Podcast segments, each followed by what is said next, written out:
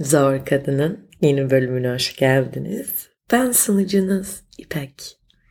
Bildiğiniz gibi bugün 10 Kasım. Geçen hafta da Cumhuriyet Bayramı'nı kutlamıştık. Aslında aklımda böyle bir kayıt yapmak vardı. Hani Cumhuriyet'le beraber kadınların hayatında neler değişti. Bugün biraz onlardan bahsedeceğiz. Zor Kadın'da biliyorsunuz ki genellikle hani özne kadınlar ve hani her ne kadar da dünyanın başka yerindeki kültürlerden, tarihten arada bahsetsem de aynı kurtlarla koşan kadınlar için söylediğim gibi mesela kurtlarla koşan kadınlar Latin Amerika'daki kültürün, geçmişin aslında yani oradaki hikayeler onunla alakalıdır. Ve oradaki kadınların tarihidir birazcık. Çünkü coğrafya kaderdir derler ya. Yani o coğrafyada olan şeyler ister istemez insanları etkiliyor ve şekillendiriyor. Türkiye için bu coğrafya için işte hem Orta Doğu hem Avrupa ile arasında kalma durumu. Bu da ister istemez bize etkiliyor, bizi şekillendiriyor. Şimdi hassas dönemlerde yaşıyoruz. Bu söylediğim bir ırkçılık mı diye şimdi birileri sormadan ben hep bir şeyleri söylüyorum ya ve açıklamasını yapıyorum. Bu bir ırkçılık değil, hayır. Sadece daha demin açıkladığım gibi coğrafya ve tarih her ne kadar kim zaman küresel olaylar Böyle aynı anda aynı yerde atıyorum işte korona şimdi dünyanın her yerinde oluyor.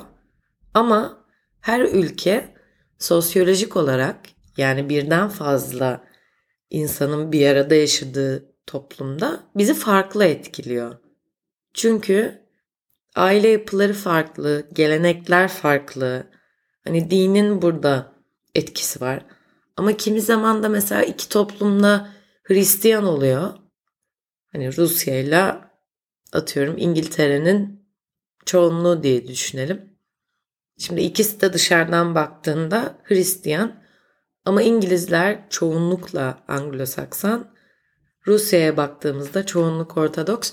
Onların da kendi tarihi olduğu için toplum hem en büyük düzeyinde hem de en küçük aile düzeyinde farklı şekilde problemlerle uğraşıyor. Şimdi benzer şeyi nasıl kurtlarla koşan kadınlarda yazılıyorsa burada bu coğrafyada yaşayan kadının karşılaştığı problem farklı. Bizim tarihimiz farklı çünkü. Bizim uğraştığımız problemler ya da uğruna hani mücadele ettiğimiz şeyler bunlar farklı. 29 Ekim'de aslında yapmak istemiştim bu bölümü. Çünkü daha çok Cumhuriyet üzerinden konuşmak istiyorum. Yani Cumhuriyet benim için ne demek? Demokrasi benim için ne demek? Biraz bunları anlatmak istiyordum. Ama geçen haftaya denk gelemedi. Bugün de hani 10 Kasım olduğu için o şekilde bağlamak istedim. Bugün zaten Türkiye'de hani yaz ilan edilen bir gün. Kurucu önderi kaybettiğimiz için tabii ki her insan gibi o da ölecekti yani hani sonsuza kadar yaşamasını beklemiyorduk. Ama amaç böyle günlerde hatırlamaktır, yaptıklarını hatırlamaktır, söylediklerini hatırlamaktır. Ve sembolik olsa da bence önemlidir bu tarz anma günleri. Bize bir şeyleri hatırlatır çünkü.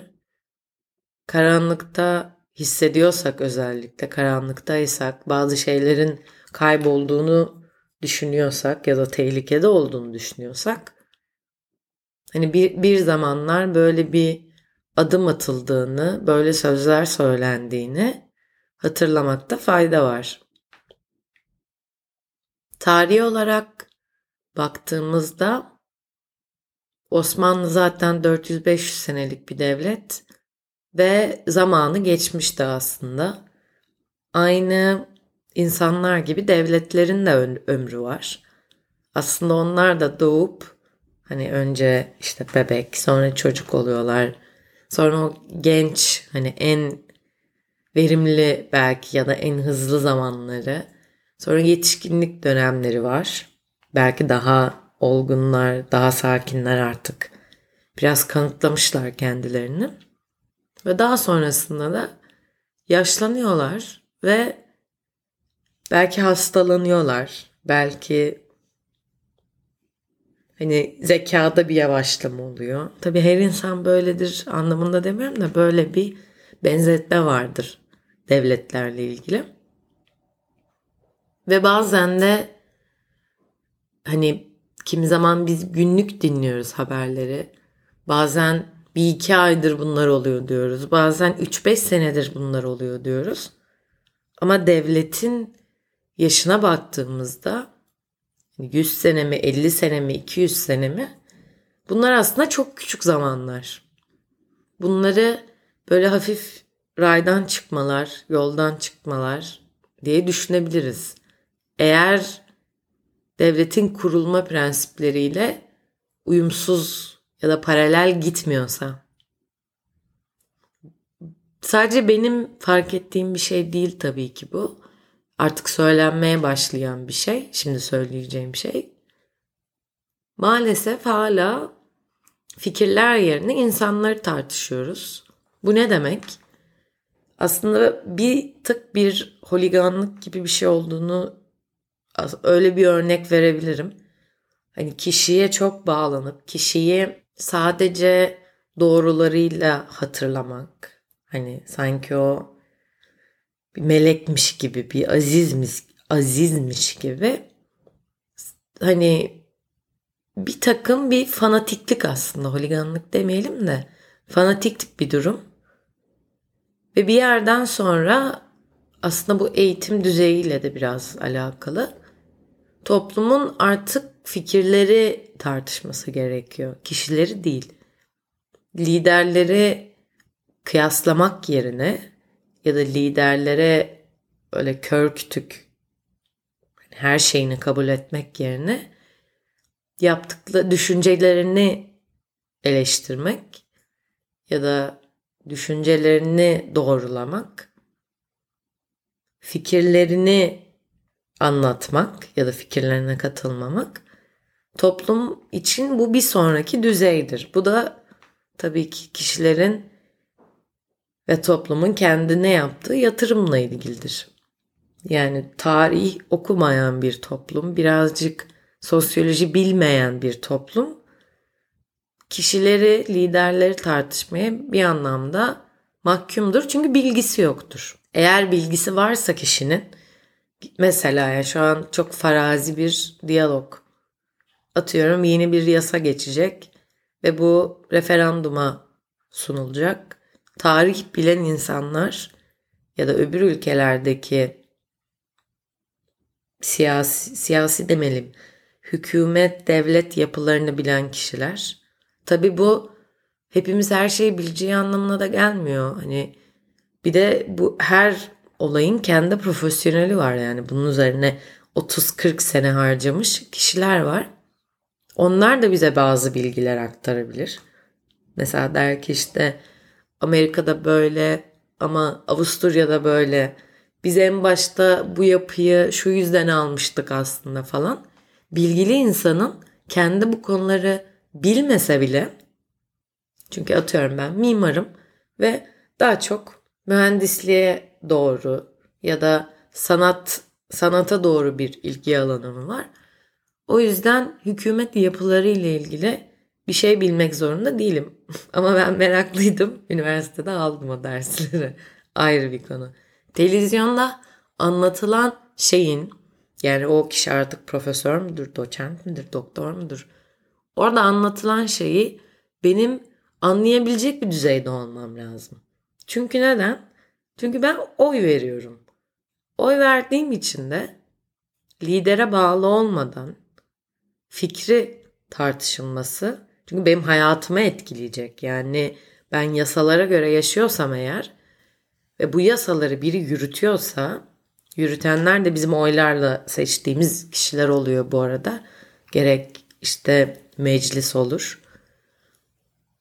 Ve bu insanlar doğru yönetirse eğer bir de bunun yargı ayağı var. Yani işte yaşadığımız kurallar, kanunları tartan. Amerikan seçimlerini yakın zamanda takip ettiyseniz güçler ayrılığı diye bir kelime kullanırlar. Bu da yargı, yürütme ve yasamanın o üç yani böyle üçgen gibi düşünün. Onlar böyle ama parça parça yani çizgi çizgi düşünün. Onlar öyle de bir öyle bir dengededir ki hepsi birbirini tutar ve hiçbiri aslında daha ağır basamaz. An- anlatabildim mi yani o üç çizgiyi düşünün işte üçgen oluşturan. Onlar böyle birbirine öyle üstüne şey yapıyorlar ki o onu tutuyor, o onu tutuyor. Bir şekilde hiçbiri ağır basmıyor. Şimdi aklınıza diyecek ki, gelecek ki e, lider, yürütme her zaman baskındır. Değil. Mesela Rusya'da yargı yani yargıçlar ve e, savcılar dokunulmazlıkları vardır ve çok güçlüdürler. Yani hani mesela bizim ülkemizde çok örneği olmayan bir şey o. Rusya'da da mesela belki hani neyle alakası var aslında bunun bilmiyorum. Yani mutlaka sosyolojik bir araştırması ya da bir sebebi vardır da ben bilmiyorum. Sadece yargıçların hani atıyorum birini öldürse bile alkollü alkollü mesela giderken kaza yapıyor ve birini öldürüyor. Başına hiçbir şey gelmeyebilir. Çok rahatlıkla çıkabilir yani o işin içinden. Her ülkenin işte farklı problem ya da avantajları var diyelim yani. Bu anlamda sadece problemlerle de karşılaşmıyoruz tabii ki. Cumhuriyet kadınlığı konuşacaktık konu. Yine nelere geldim. Evet Osmanlı aslında yaşlıydı yani konu ilk oradan çıktı. Dönemi bitmişti ve tabii şöyle bir şey de var. Tarihi şöyle okumak anlamlı. Sadece bir devletin tarihini okuduğunuzda bazen çok şey ifade etmiyor. O dönem dünyada da neler oluyor ona da bakmak lazım. Aynı şekilde Osmanlı'nın son dönemleri ve işte birazcık daha ilerisinde Avrupa'da bir ulus devleti artık milliyetçilik gerçekten hani popüler bir şey yani ırklar üzerinden bir devlet ve bunun pekişmesi için yapılan işte marş bayrak zaten çoğunda var da hep ulusal marşlar işte ne bileyim ilk öğretimde buna şey olan bir eğitim falan bu farklı bir döneme geçiliyor aslında. Ve uzunca bir sürede bu dönem işte günümüze kadar hala devam eden ulus devlet şeklindeyiz. Osmanlı'da aslında yapılan o yani hani bir imparatorluktan çünkü imparatorlukta bir vatandaş yok. Vatandaş kavramı yok. Biraz vatandaş kavramından bahsedelim. Vatandaş aslında yaşayan kişinin bir birey olduğunu söyler ve birey oy verme hakkına sahiptir. Kendisini yönetmek isteyen kişi kişi ve kişileri seçer. Ve yani bundan belki çok bahsedilmez ya da bir yerlerde bahsedilir ama benim şu an örnek aklıma gelmiyor. Yani vatandaşın da üstüne düşen bir şeyler olmalı aslında. Oy veriyorsun sonuçta. Ha bir yandan tabii vergi de veriyorsun. Çünkü senin vergi ne yani senin kazandığın paranın bir kısmı evet devlete gidiyor vergiye ve o vergilerle bir şeyler yapılması lazım. Bu vergiler hani çok kullanılan bir şey vardır ya yol su hava olarak döner. aslında o çok eski artık yani yol yapılması falan. Mesela Fransa'da su artık kamusal. Bu ne demek? Halk suyu bedava kullanıyor. Herkesin yanında şişeleri var. Bakkallarda ve marketlerde su satılmıyor mesela şişe satılıyor. Siz o şişeleri alıyorsunuz eğer yanınızda yoksa. Gidip su dolduruyorsunuz. Şimdi bu vergilerle yapılan bir şey artık. Yani orada temizlediler mi, nasıl bir altyapı yaptılar falan bunları bilmiyorum. Ama bu vergiler sonucu olacak bir şey sonuçta. Yol yapmak artık şey değil yani o çok hani çok 90'larda 80'lerin falan olayı aslında. Artık hiçbir devlet ben yol yaptım falan demiyor yani. Başka ne olabilir? Hani vergilerle yapılabilecek şey. Şimdi mesela sağlık çok önemli değil mi? Yani sağlığı bizim kendi sağlığımızı bu sadece fiziksel olmayabilir. Psikolojik anlamda da olabilir. Hani bunun için mesela psikolojik olarak ücretsiz çalışan ya da sizin ücret ödemeden yararlanabileceğiniz psikologlar ya da psikiyatrlar. Bu neden önemli? Modern zamanlarda bu gerekli çünkü. Bu arada böyle çalışmalar var yani hani üniversiteler kapsamında ya da sosyal faaliyetler içerisinde. Ben sadece bunlara ay konuşamadım. Bunlara yatırım yapılmasından bahsediyorum. Yoksa suyun kamusallaştırılması gibi bir durum yok ama psikologlar var mesela yani devlet bünyesinde kullanabileceğiniz. Neyse vergilerle böyle şeyler yapılır sonuç olarak. Ve bu işte vatandaş olmanın bir parçasıdır. Eğer bir noktada da oy veriyorsanız eğer yaşınız tutuyorsa yani neye oy verdiğinizin fikir olarak bir durup düşünmek gerekir yani objektif olarak. Cumhuriyetle beraber gelen tabii ki bir vatandaş olma durumu var. Osmanlı'da olmayan. Bu genel olarak tüm herkesi ilgilendiren bir konu.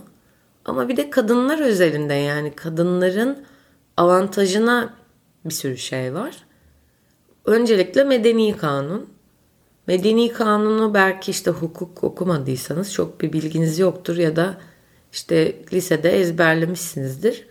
Tabii biz o dönem ne anlama geldiğini bilmiyoruz yani hayatı bilmediğimiz için ya da hani gerçek hayatta aslında neler oluyor. Bize Disney'in söylediği aşık olup evleneceksin ve mutlu yaşayacaksın. Ama tabii ki öyle değil yani. Medeni kanunda mesela işte tek eş bir kere yani ve şey yani devlet onayında bir nikah olması gerekiyor. Burada da tabii şöyle bir durum var. Eğer inancınız gereği imam nikahının yani sizin için önemli olduğunu düşünüyorsanız bununla bir problem yok zaten yani hala isterseniz imam nikahı kıyabiliyorsunuz. Bununla bir yasal olarak bir engel yok. Ama kadının haklarını korumak ve daha sonrasında bir çocuk olursa çocuğun hakkını korumak için devletin önünde bir belge olması gerekiyor. Devletin size verdiği bir belge olması gerekiyor ki işler yolunda gitmezse ki bu da yine cumhuriyetle kadının aldığı haklardan biri boşanma. Önceden hani erkek yani o şey hakikaten hürafe değil yani boş ol boş ol.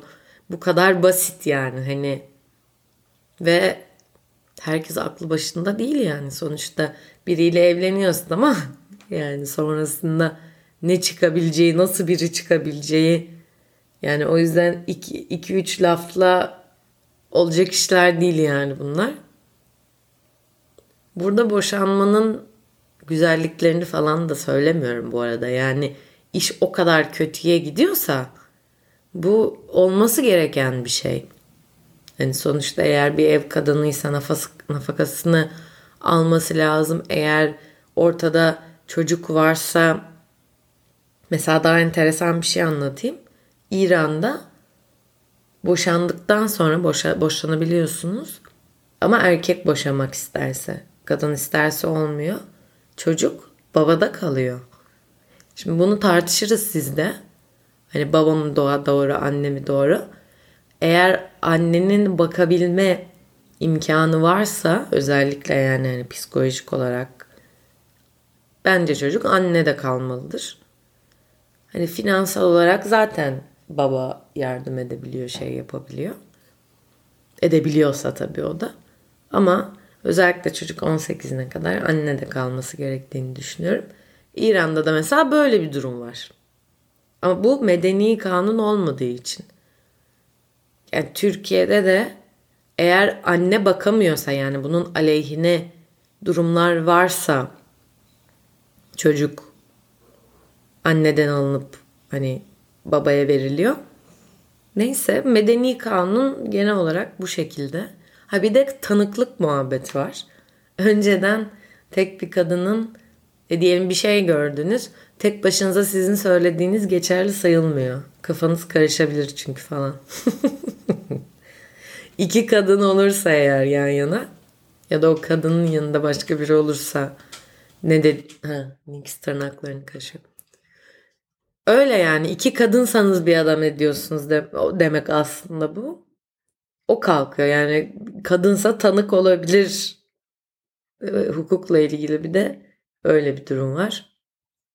Onun dışında seçme ve seçilme hakkını zaten konuşmuştuk. Yani Osmanlı'nın son döneminde Nezihe Muhittin'in Halide Edip'le bir parti kurduğunu ama daha sonra tek partili döneme geçildiği için bu partinin kapatılıp bir derneğe dönüştüğü bunu anlatmıştım. Ama yine de önemli hatırlamak. Yani bu çok zor bir şeyken yani Cumhuriyetle beraber bu artık bir yasa oldu. Yani sen vatandaşsan ve bir kadınsan oy da verebilirsin. Seçimlere de katılabilirsin. İnternete yazarsanız hani ilk Türk kadın milletvekili, ilk kadın kaymakam, ilk kadın muhtar falan bunların hepsinin listeleri falan duruyor hala internette. Hani insanlar da adım atmış. Yani kadınlar da adım atmış oralarda görev alabilmek için. Bu da ben çok önemli olduğunu düşünüyorum. Artık insandan sayılıyorsun çünkü. Yani öbür türlü çok insan değilsin yani. Meslekler önünde engeller varmış mesela. Onlar kalkıyor. Yani meslekler önünde engel ne demek? Şimdi eğer tıp okuyamazsanız, hukuk okuyamazsınız, meslek derken bunlardan bahsediyorum ya da mimar. E o işi yapamazsınız. Tabii yani gidip belki sekreter olursunuz ya da bir yerde çalışırsınız. Ama meslek okuyabilmeniz için o işin eğitimini almış olmanız lazım. Ya da mesela yazarlar var. Onlar da gerçi adlarını falan değiştiriyorlar ama önemli değil yani o kısım. Yazar olmak için de bir şey okumanız gerekmiyor. Meslekler önündeki yani okula girme haklarından bahsediyoruz aslında bunda. Onların da önündeki engeller kalkıyor ve kadınlar hani sadece belki ilk öğretim düzeyinde genellikle çoğu okuma yazmayı öğrendikten sonra okuldan ayrılırken artık eğitim de zorunlu hale getirilip hepsi yani isteyenleri meslek olarak üniversitelere, yüksek öğretimlerine katılabiliyorlar. Tabii bunun da öncesinde zaten genellikle bir hani ahlak üzerine bir eğitim var. Onun dışında hani şimdiki bildiğimiz müfredat işte kimyaydı, fizikti, edebiyattı o tarz şeyler yok. Başka benim şu an aklıma gelen hani kadınları ilgilendiren anlamda yani Cumhuriyet'in hazır başlamışken öbür şeylerden de belki bahsedebiliriz. Okuma yazma ile ilgili önemli bir değişim var. Osmanlı zor bir dil. Bir de onunla beraber konuştuğumuz dil Türkçe ama yazdığımız dil Arapça harflerinden zaten Arapça kendisi de zordur. Ama bir de hani Osmanlı'daki problem konuştuğumuz dil Türkçe ve farklı harflerden oluşuyor. Ama ya, yazı dili farklı. Burada da bu arada şimdi çok hatırlamıyorum aramızda edebiyatçılar varsa aslında onlar daha iyi bilir ama Türkçedeki sesli ünlülerin karşılığı Osmanlıca'da yok diye hatırlıyorum. En büyük problemlerden biri oydu. Yani Türkçe yetersiz pardon o yazı dili Osmanlı'daki yazı dili Türkçe karşısında yetersiz kalıyordu aslında. Problemlerden biri bu. ikincisi öğrenmesi çok zor. Yani o dönem yüzde yedi falan okuma yazma oranı. Kadınlar da zaten yani çok düşük. Ve onunla beraber yani sonuçta Türkçenin Latin alfabesini seçmesinin altında batıya yakınlaşmak var. Yani bu böyle gizli falan bir şey değil yani. Yani batı dillerini de öğrenebiliriz. Çünkü bu şekilde Latin alfabelerini kullanırsak. Hani öyle bir yaklaşım var. Hani şimdi de okuma oranlarının 99'un üzerinde falan olduğunu söylüyorlar. Ama yani okumayı bilmek yetmiyor anladığım kadarıyla. Bir de mesela benim askere giden arkadaşlarım çok anlatıyor onu. Askerlikte okuma yazmayı bilmeyenler gitmesine izin vermiyorlarmış. Oturup okuma yazma öğretiyorlarmış.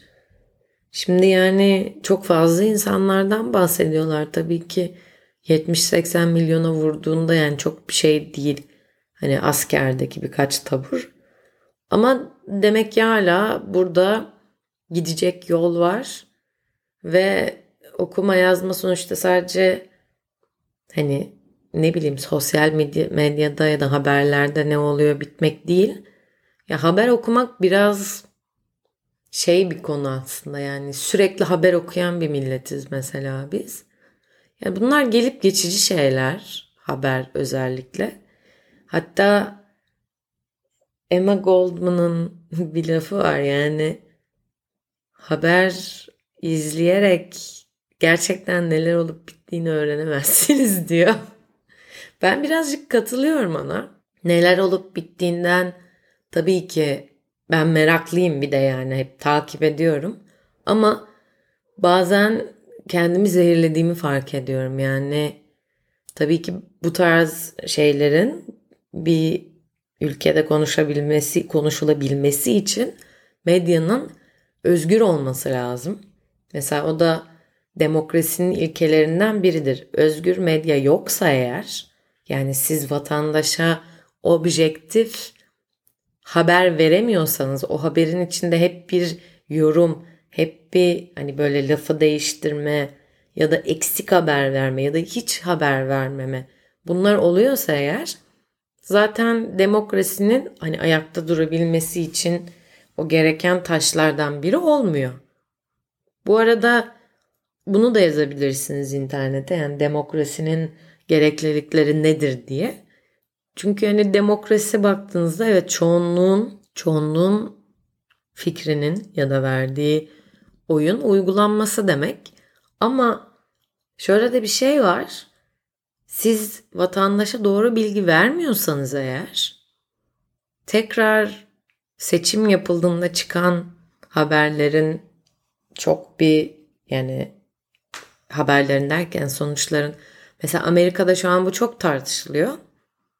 Özellikle hani Trump'ın da mesela Facebook'a verdiği Brexit diye bir film var bu arada. Blue TV'de izleyebilirsiniz. Brexit'te nasıl siyasetin değişmeye başladığını, siyaset şeklinin değişmeye başladığını anlatıyor ve Türkiye'yi de ilgilendiren bir şeyler var. Yani zor kadınla çok alakası yok da eğer bu tarz şeyler ilginizi çekiyorsa diye söylüyorum. Brexit filmin adı. Bu anlamda doğru bilgi çok önemli. Çünkü artık hani tek bir eskiler der ya ajans yani haber kanalı haberleri artık öyle bir şey yok. Yani sürekli notification geliyor. Bir sürü kaynak var. Kirlilik var. Bugün aldığımız bilgilerin ya da haberlerin ne kadar doğru ne kadar değil gerçekten muamma. Ve tabii ki o zaman da hani medya işte atıyorum 60-70 sene önce farklı haberleri veriyor olabilir de bunu savunmuyorum. Hep bir kirlilik var. Ama kişi bunları ayırt edebilmek istiyorsa eğer okuması lazım. Tarih okuması lazım. Oturup böyle kalın kalın tarih kitapları okuyun demiyorum. Ama bir neler olup bittiğini bilelim. Öbür türlü yorum yapamayız.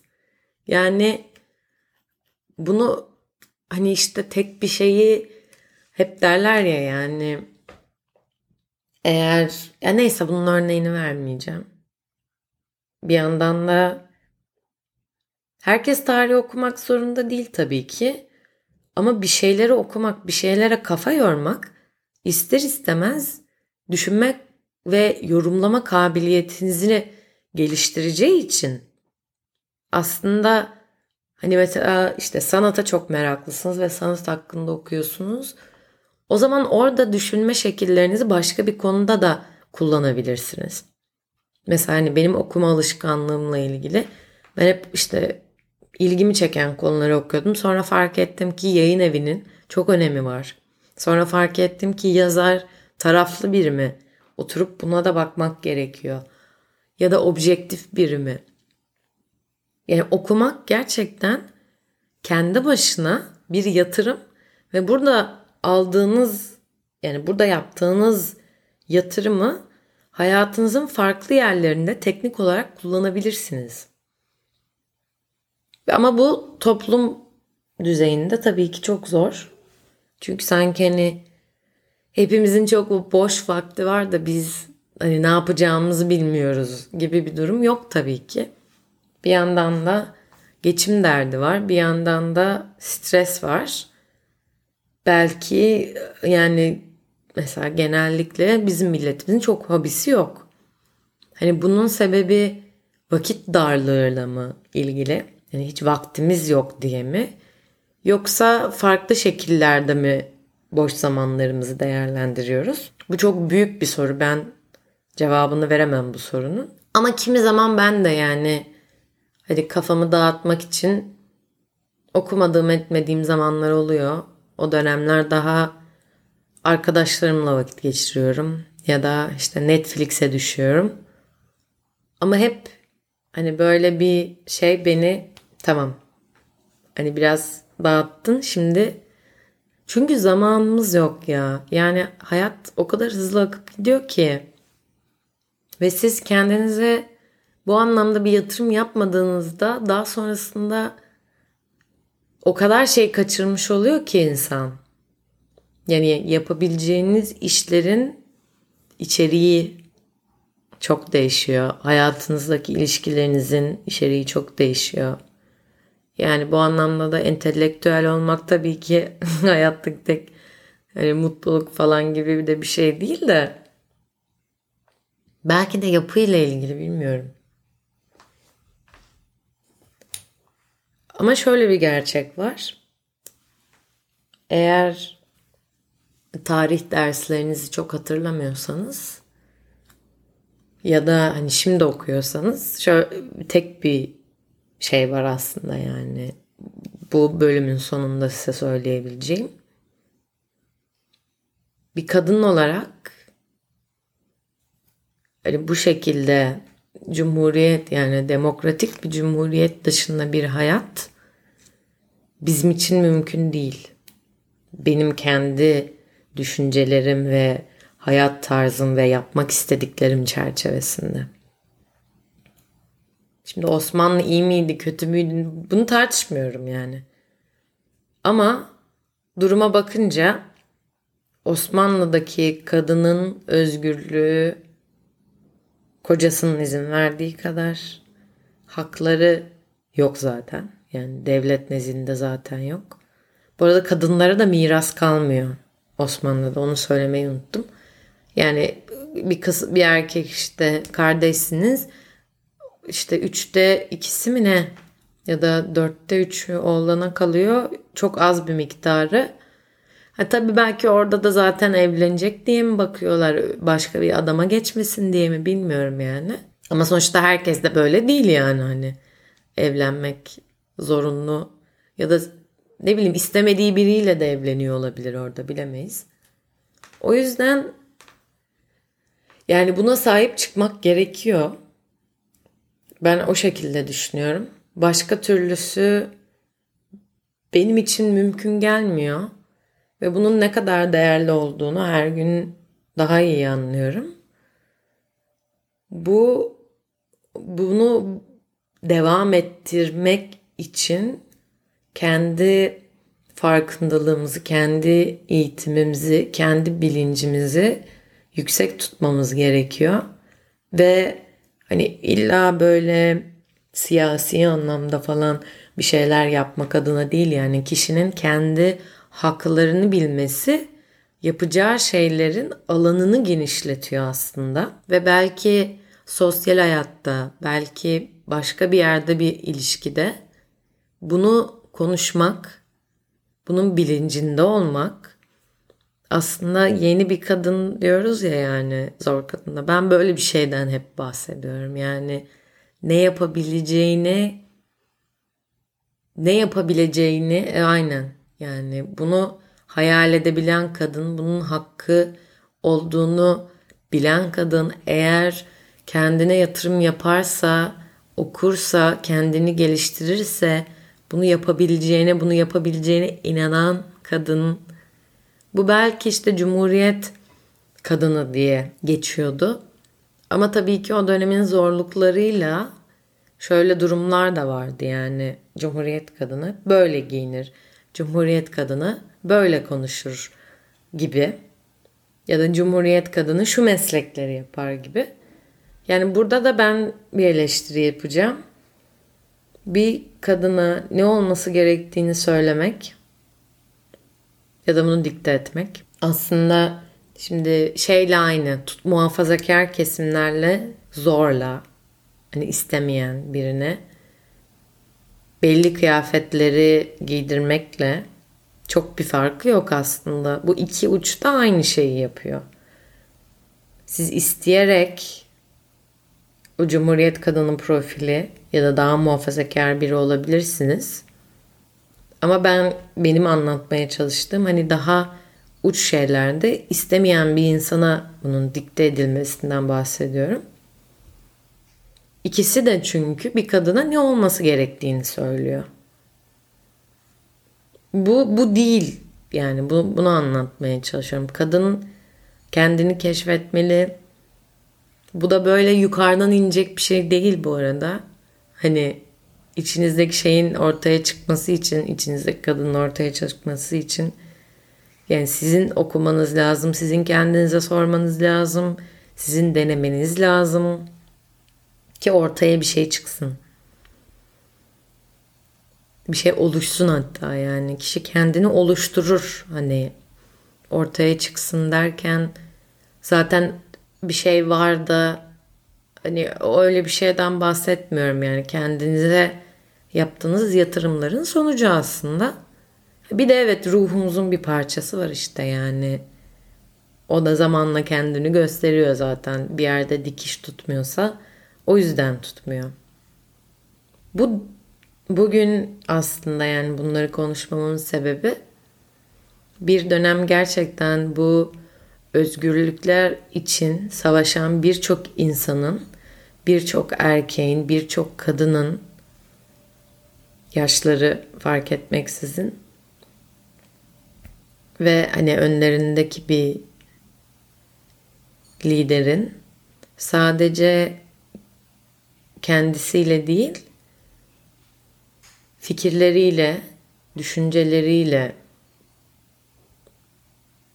de var olan yani bu yapılan bu hmm, özveriyi, bu emeği önemli önemini keşke bu cümleyi yazsaydım ya. Bunun ne kadar önemli bir şey olduğunu hatırlamamız gerekiyor bence. Bizim motive edecek şey o olabilir çünkü. Ve bunu devam ettirmek için aslında. Ya bunun devam etmesi benim için önemli. Eğer sizin için de önemliyse. Ve bunun için yapılması gereken şeyler var. Ve tabii ki yapılması gereken şeyler var. Yani sonuçta bu bir mücadele.